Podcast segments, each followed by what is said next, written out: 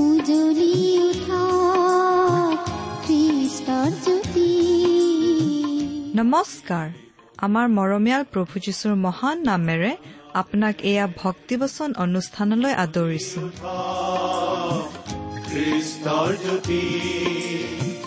আকাশ বতাহ মুখৰিত কৰি গাঁও হাৱে মিলি গীতি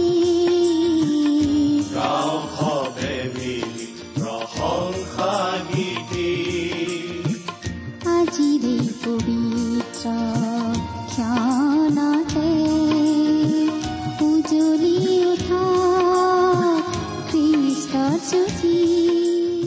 ঈশ্বৰে আপোনাক যি অসীম প্ৰেম কৰিলে তাক যদি অনুভৱ কৰিব বিচাৰে আৰু তেওঁৰ অগম্য বাক্যৰ মৌ মিঠা সোৱাদ ল'ব বিচাৰে তেন্তে আহক আজিৰ ভক্তিবচন অনুষ্ঠানটো মনোযোগেৰে শুনো। এয়া আপোনালৈ আগবঢ়াইছো। ঈশ্বৰৰ জীৱন্ত বাক্যৰ অনুষ্ঠান ভক্তিবচন।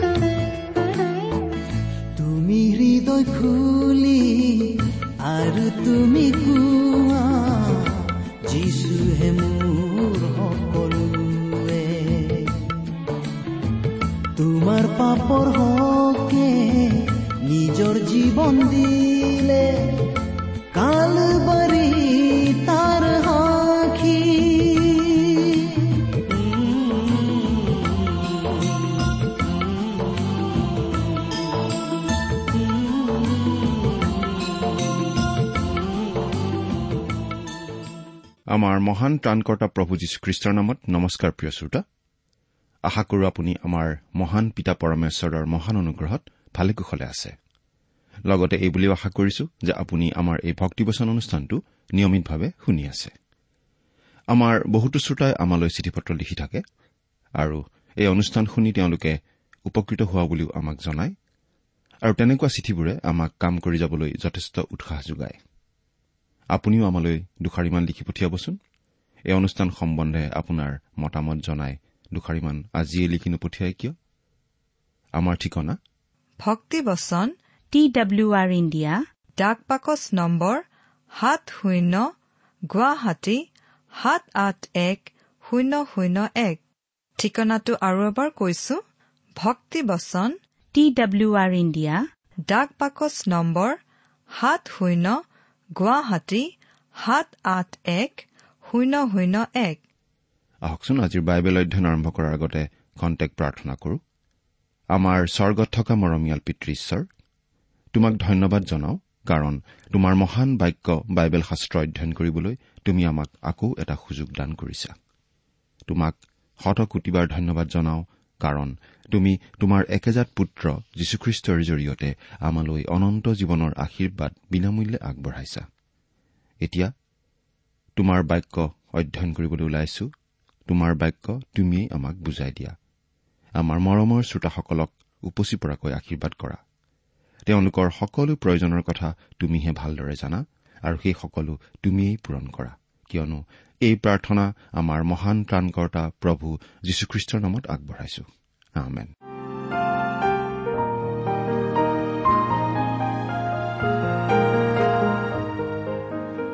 প্ৰিয় শ্ৰোতা আমি আজি ভালেমান দিন ধৰি বাইবেলৰ নতুন নিয়ম খণ্ডৰ ইব্ৰীবিলাকৰ প্ৰতি পত্ৰ নামৰ পুস্তকখন অধ্যয়ন কৰি আছো। নহয় জানো? আপুনি বাৰু আমাৰ আগৰ অনুষ্ঠানটো শুনিছিল নে যোৱা অনুষ্ঠানত আমি কি আলোচনা কৰিছিলো আপোনাৰ বাৰু মনত আছেনে? যোৱা অনুষ্ঠানত আমি এই ইব্ৰী পুস্তকখনৰ দুই নম্বৰ অধ্যায়ৰ তেৰ নম্বৰ পদলৈকে পঢ়ি আলোচনা আগবঢ়াইছিলো। নহয়নে বাৰু? গতিকে আজিৰ অনুষ্ঠানত আমি এই ইব্ৰী পুস্তকৰ দুই নম্বৰ অধ্যায়ৰ চৈধ্য নম্বৰ পদৰ পৰা আমাৰ আলোচনা আৰম্ভ কৰিব খুজিছো। এই ইব্ৰী পুস্তকখন হৈছে এখন চিঠি।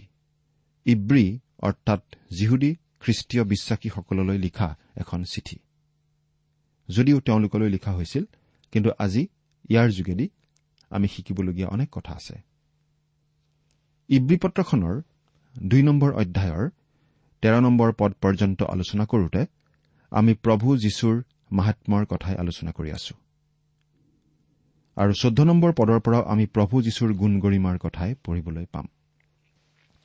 এতিয়া আমি বাইবেলৰ পৰা পাঠ কৰি দিব খুজিছো। ইব্ৰী দুই নম্বৰ অধ্যায়ৰ চৈধ্য আৰু পোন্ধৰ নম্বৰ পদ দুটা একেলগে পঢ়িম। আপোনাৰ লগত বাৰু বাইবেল আছেনে?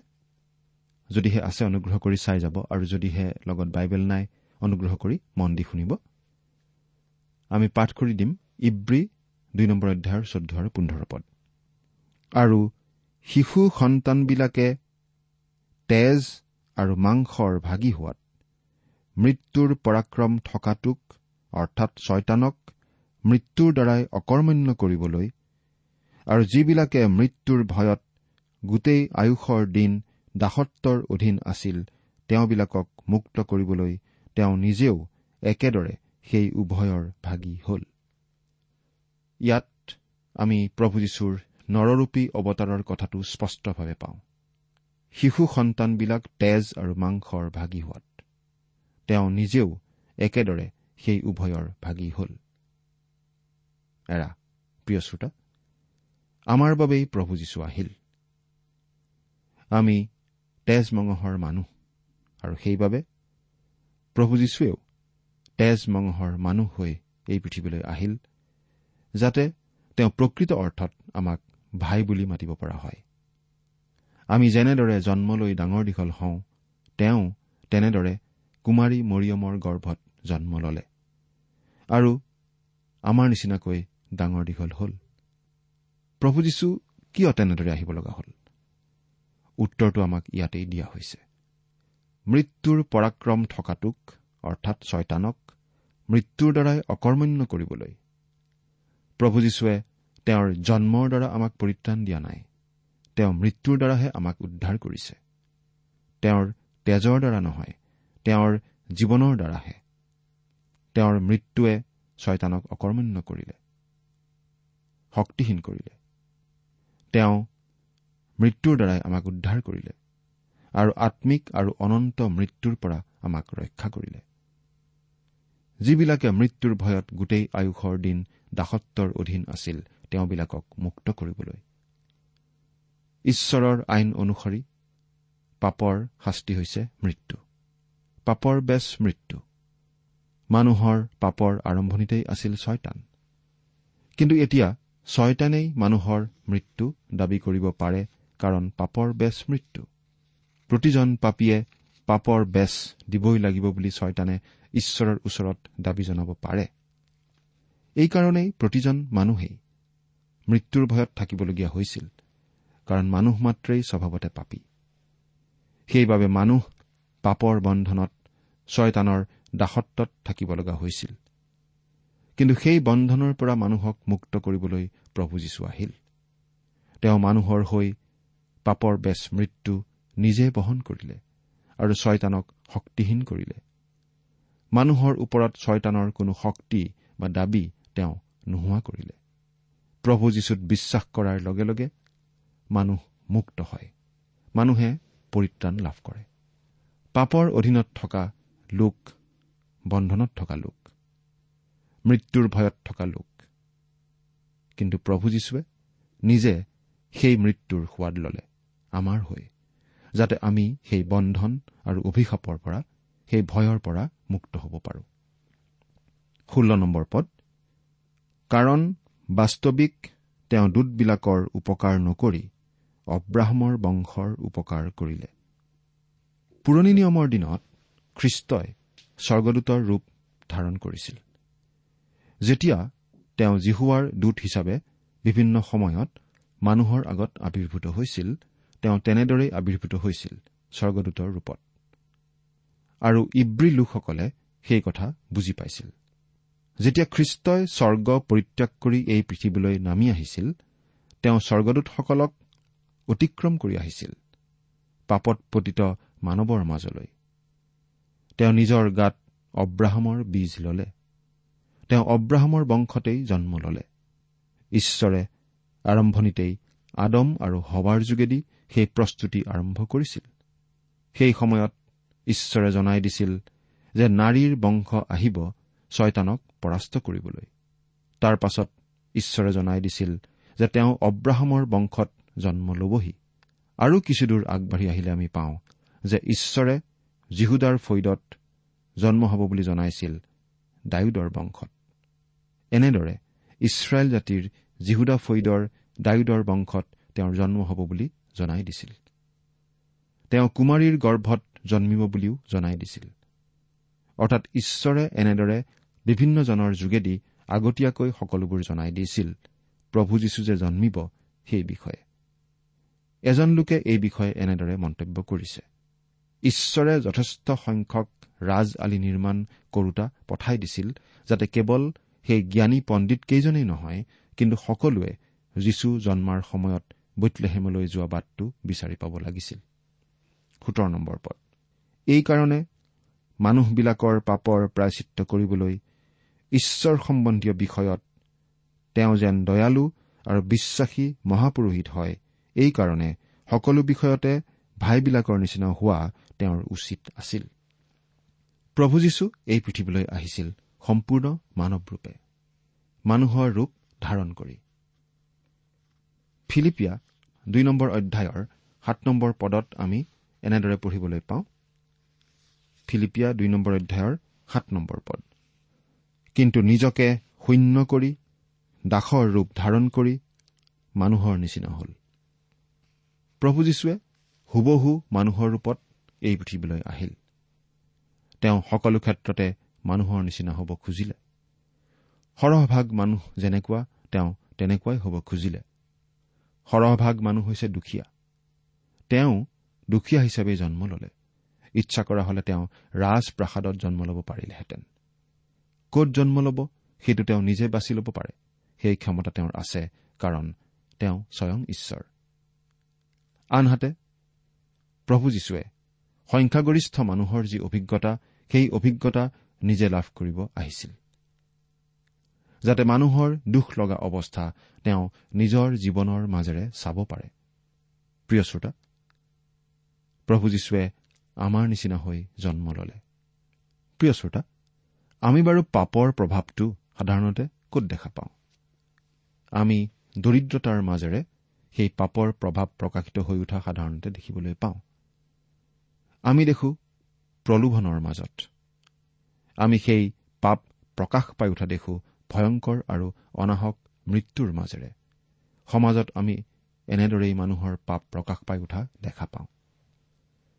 নিৰপৰাধী মানুহে দুখ যন্ত্ৰণা সহ্য কৰিব লগা হোৱা দেখি আমাৰ বেয়া লাগে। চুৰ ডকাইত আদিৰ হাতত কিমান অসহায় বৃদ্ধ বৃদ্ধাৰ দুৰৱস্থা হৈ থাকে কিমানৰ মৃত্যু হৈ থাকে তাৰ গোটেইবোৰ বাতৰি আমি নাপাওঁ। কিন্তু যিবোৰ খবৰ আমি পাই থাকো সেইবোৰে আমাৰ মনত নিশ্চয় দুখ দিয়ে। তেনেকুৱা সকলো অপৰাধী কেতিয়াও ধৰা নপৰে।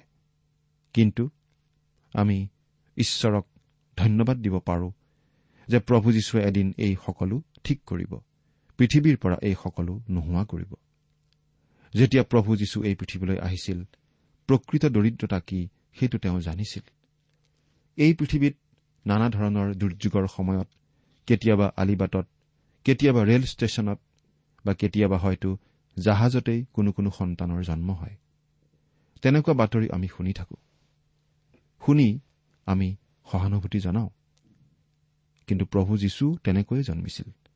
সন্তান সম্ভৱা মৰিয়মে যোচেফৰ লগত বৈতলেহেমলৈ যাব লগা হৈছিল। তাত কোনো আলহী ঘৰত তেওঁলোকৰ থাকিবলৈ ঠাই নোহোৱাত এটা গোহালি ঘৰতেই আশ্ৰয় ল'ব লগা হৈছিল আৰু সেই গোহালি ঘৰতেই প্ৰভু যীশুৰ জন্ম হৈছিল। প্ৰভু যীশু এই পৃথিৱীলৈ আহিছিল আৰু মানুহৰ শৰীৰ গ্ৰহণ কৰিছিল। সেইবাবে আজি তেওঁ আপোনাৰ বা মোৰ প্ৰতি সহানুভূতি প্ৰদৰ্শন কৰিব পাৰে। আপুনি কোন বা মই কোন সেইটো গুৰুত্বপূৰ্ণ কথা নহয়। তেওঁ আপোনাক জানে তেওঁ আপোনাক বুজি পায়। তেওঁ যে ঈশ্বৰ সেইকাৰণেই মাত্ৰ নহয়।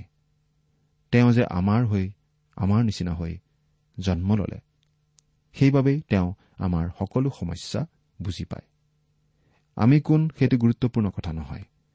কিন্তু গুৰুত্বপূৰ্ণ কথা এইয়ে যে প্ৰভু যীশুৱে আমাক বুজি পায় প্ৰভু যীশুৱে আমাক জানে। তেওঁ ঈশ্বৰ কাৰণে নহয় কিন্তু ঈশ্বৰ হৈও যে তেওঁ মানুহ ৰূপে জন্ম ললে সেইকাৰণেহে আমি কি অৱস্থাৰ মাজেৰে পাৰ হৈ আছো সেই সকলো তেওঁ জানে। মানুহৰ দুখ যন্ত্ৰণা তেওঁ তন্ন তন্নকৈ জানে কাৰণ তেওঁ সকলো বিষয়তে আমাৰ নিচিনা হ'ল ভাইবিলাকৰ নিচিনা হ'ল গতিকে তেওঁ আমাৰ প্ৰতি দয়ালু আৰু সহানুভূতিশীল হ'ব পাৰিছে। প্ৰভু যীশুৱে এটা অতি দুখীয়া পৰিয়ালত জন্মগ্ৰহণ কৰিছিল। তেওঁ জন্মগ্ৰহণ কৰাৰ সময়ত তেওঁলোকৰ জাতিটো আছিল ৰোমানসকলৰ পৰাধীন জাতি। তেওঁ কোনো ৰাজপ্ৰাসাদত জন্মগ্ৰহণ কৰা নাছিল। তেওঁ গোহালি ঘৰত জন্মগ্ৰহণ কৰিছিল। তেওঁ সকলো ক্ষেত্ৰতে ভাইবিলাকৰ নিচিনা অৰ্থাৎ আমাৰ নিচিনা হ'ল। তেওঁ আমাৰ মাজৰ এজন যেন হ'ল। তেওঁ যেতিয়া ফটা চিটা বা লেতেৰা কাপোৰ পিন্ধি এটি সৰু ল'ৰা হিচাপে বৈতলেহেমৰ আলিবাটত উমলিছিল। তেনে অৱস্থাত তেওঁক দেখিলে তেওঁৰ আচল পৰিচয় কি আমি কোনেও নাজানিলোহেঁতেন। এৰা প্ৰভু যীশু সকলো ক্ষেত্ৰতেই আমাৰ নিচিনা হ'ল। প্ৰভু যীশুৰ ঈশ্বৰত্বৰ কথাত আমি গুৰুত্ব দি থাকোঁতে কেতিয়াবা কেতিয়াবা তেওঁৰ মানৱ ৰূপৰ কথাটোলৈ অৱহেলা কৰাৰ ভয় থাকে। মই যে বৈতলেহেমত জন্ম নললো মই যে নাচৰতত ডাঙৰ দীঘল নহলো তাৰ বাবে ঈশ্বৰক ধন্যবাদ। কাৰণ আনকি আজিও সেই ঠাইত জন্ম হোৱা শিশুৰ ভৱিষ্যত বেছি সুনিশ্চিত আৰু নিৰাপদ নহয়। কিন্তু প্ৰভু যীশু প্ৰকৃত অৰ্থত মানুহ হৈছিল আৰু তেওঁ সেই ঠাইৰ পৰাই আহিছিল। তেওঁ আছিল শুকান ঠাইত ওলোৱা গজালিৰ নিচিনা। আপুনি এনেকুৱা এটা কথা চিন্তা কৰা নাই বা আপোনাৰ মনলৈ এনেকুৱা এটা ভাৱ অহা নাই যিটোৰ কথা প্ৰভু যীশুৱে নাজানে। বা আপুনি এনেকুৱা একো সহিব লগা হোৱা নাই যাৰ অভিজ্ঞতা তেওঁৰ নাই।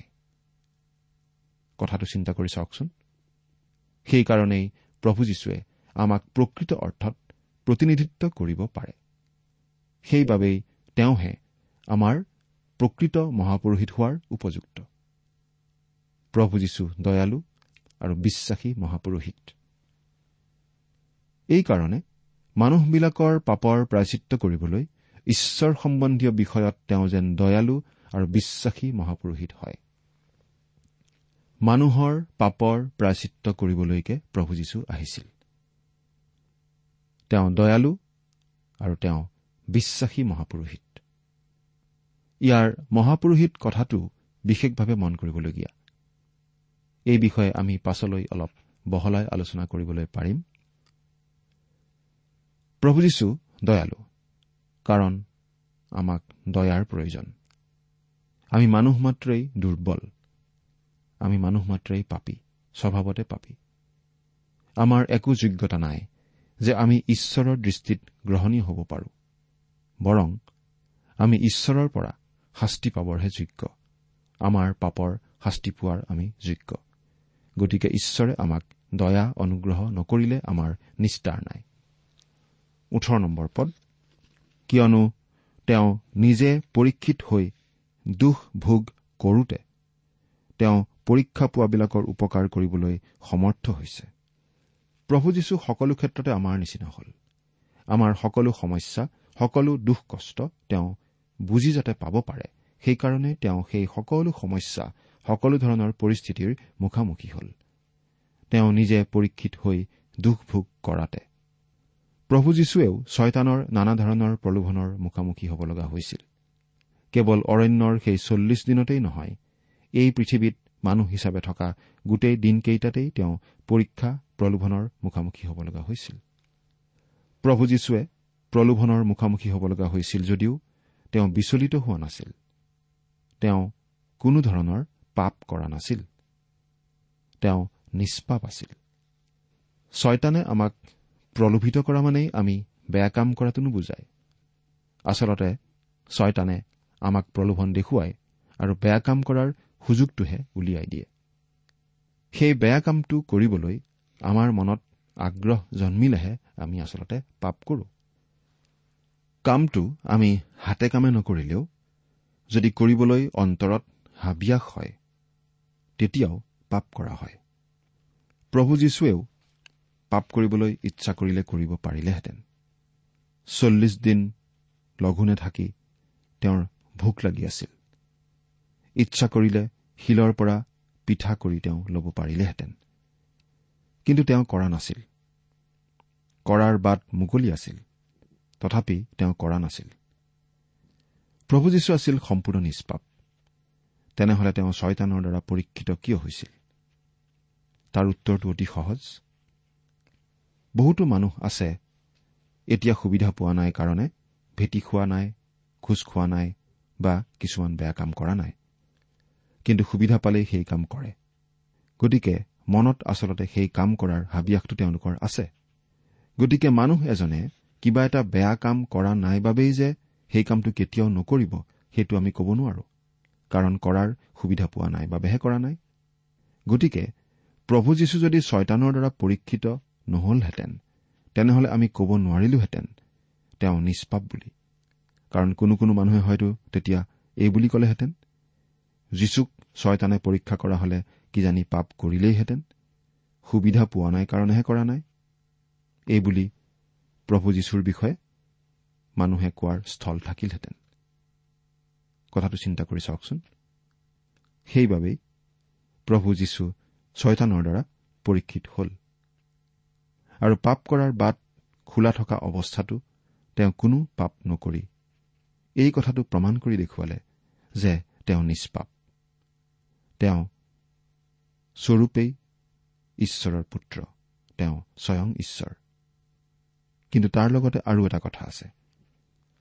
তেওঁ নিজে পৰীক্ষিত হৈ দুখ ভোগ কৰিছিল যাতে তেওঁ পৰীক্ষা পোৱাবিলাকৰ উপকাৰ কৰিবলৈ সমৰ্থ হয়। অৰ্থাৎ তেওঁ নিজেও পৰীক্ষিত হৈছিল। গতিকে আজি তেওঁ আমাক সকলোকে বুজি পায় আমাৰ সমস্যা বুজি পায়। আৰু যিহেতু তেওঁ আমাৰ মনৰ ভাৱ চিন্তা আমাৰ সমস্যা আমাৰ জীৱনলৈ অহা পৰীক্ষা আদিৰ কথা সকলোখিনি তেওঁ বুজি পায় সেইকাৰণে তেওঁ আমাৰ উপকাৰ কৰিবলৈ সমৰ্থ। প্ৰিয় শ্ৰোতা আমাৰ সমস্যা আমাৰ পৰীক্ষা যিয়েই নহওক কিয়। আমাৰ সমস্যা আমাৰ পৰীক্ষা যেনেকুৱাই নহওক কিয়। যিমান ডাঙৰ সমস্যা বা যিমান ডাঙৰ পৰীক্ষা প্ৰলোভনেই আমাৰ জীৱনত নাহক কিয়। প্ৰভু যীশু আমাক সহায় কৰিবলৈ সমৰ্থ। এই কথাটো চিন্তা কৰি চাওকচোন। প্ৰিয় শ্ৰোতা আজি আমি প্ৰতিজন খ্ৰীষ্টীয় বিশ্বাসীয়ে অতি সাহসেৰে অতি দৃঢ়তাৰে এই বুলি ক'ব পাৰো। যে আজি স্বৰ্গত আমাৰ বাবে এজন মহান দয়ালু মহাপুৰোহিত আছে। স্বৰ্গত আমাৰ বাবে নিবেদন কৰিবলৈ এজন মহাপুৰোহিত আছে।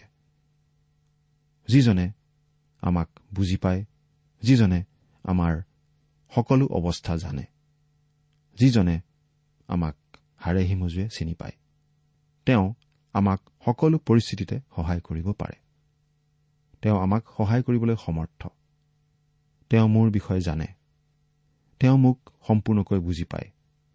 আৰু মোৰ সকলো বুজা মই তেওঁত গতাই দিব পাৰো। মোৰ সকলো দায়িত্ব তেওঁতেই অৰ্পণ কৰিব পাৰো। যেতিয়া সেই এন্ধাৰ সময় আহিব আৰু আপুনি আৰু মই মৃত্যুছায়াৰ উপত্যকাত প্ৰৱেশ কৰিম তেতিয়াও আমাৰ বাবে এজনা মহাপুৰোহিত স্বৰ্গত আছে। যিজনাই আমাক সহায় কৰিব। কথাটো ভাবি চাওকচোন।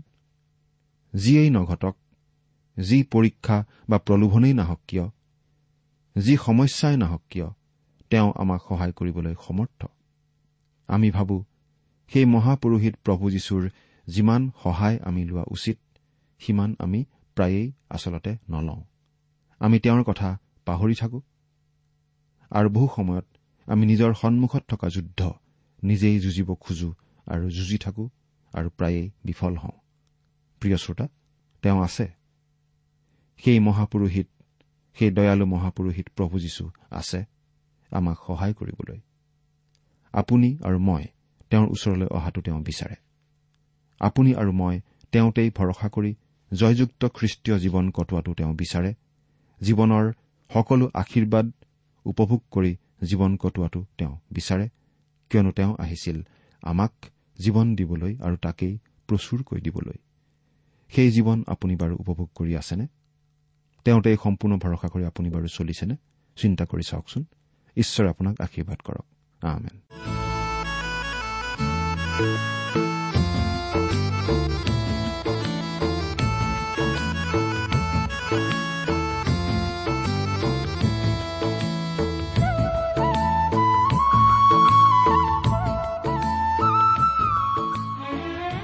ইমান পৰে আপুনি ভক্তিবচন অনুষ্ঠানটি শুনিলে। অনুষ্ঠানটি শুনি কেনে পালে আমালৈ চিঠি লিখি জনাবচোন। অনুষ্ঠানত প্ৰচাৰ কৰা কোনো কথা বুজিব লগা থাকিলেও আমালৈ লিখক। আমাৰ ঠিকনা ভক্তিবচন টি ডাব্লিউ আৰ ইণ্ডিয়া ডাক পাকচ নম্বৰ সাত শূন্য গুৱাহাটী সাত আঠ এক শূন্য শূন্য এক। ঠিকনাটো আৰু এবাৰ কৈছো ভক্তিবচন টি ডাব্লিউ আৰ ইণ্ডিয়া ডাক পাকচ নম্বৰ সাত শূন্য গুৱাহাটী সাত আঠ এক শূন্য শূন্য এক। আপুনি ইমেইল যোগেৰেও আমাৰ সৈতে যোগাযোগ কৰিব পাৰে। আমাৰ ইমেইল আইডিটো হৈছে Assamese T TV at radio' eight eight two dot com. আইডিটো আকৌ এবাৰ কৈছো। Assamese T TV at radio' eight eight two dot com.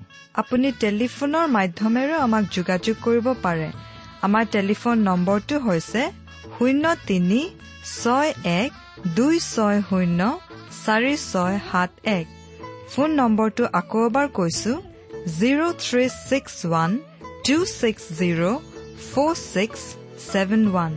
আজিৰ অনুষ্ঠানটি ইমানতে সামৰিছো। ঈশ্বৰৰ শান্তি আৰু অনুগ্ৰহ আপোনাৰ লগত থাকক। ধন্যবাদ। এই বলিদানৰ তুমি নুবুজিলে কথা গ্ৰহণ কৰা। তুমি সঁচা মানুহ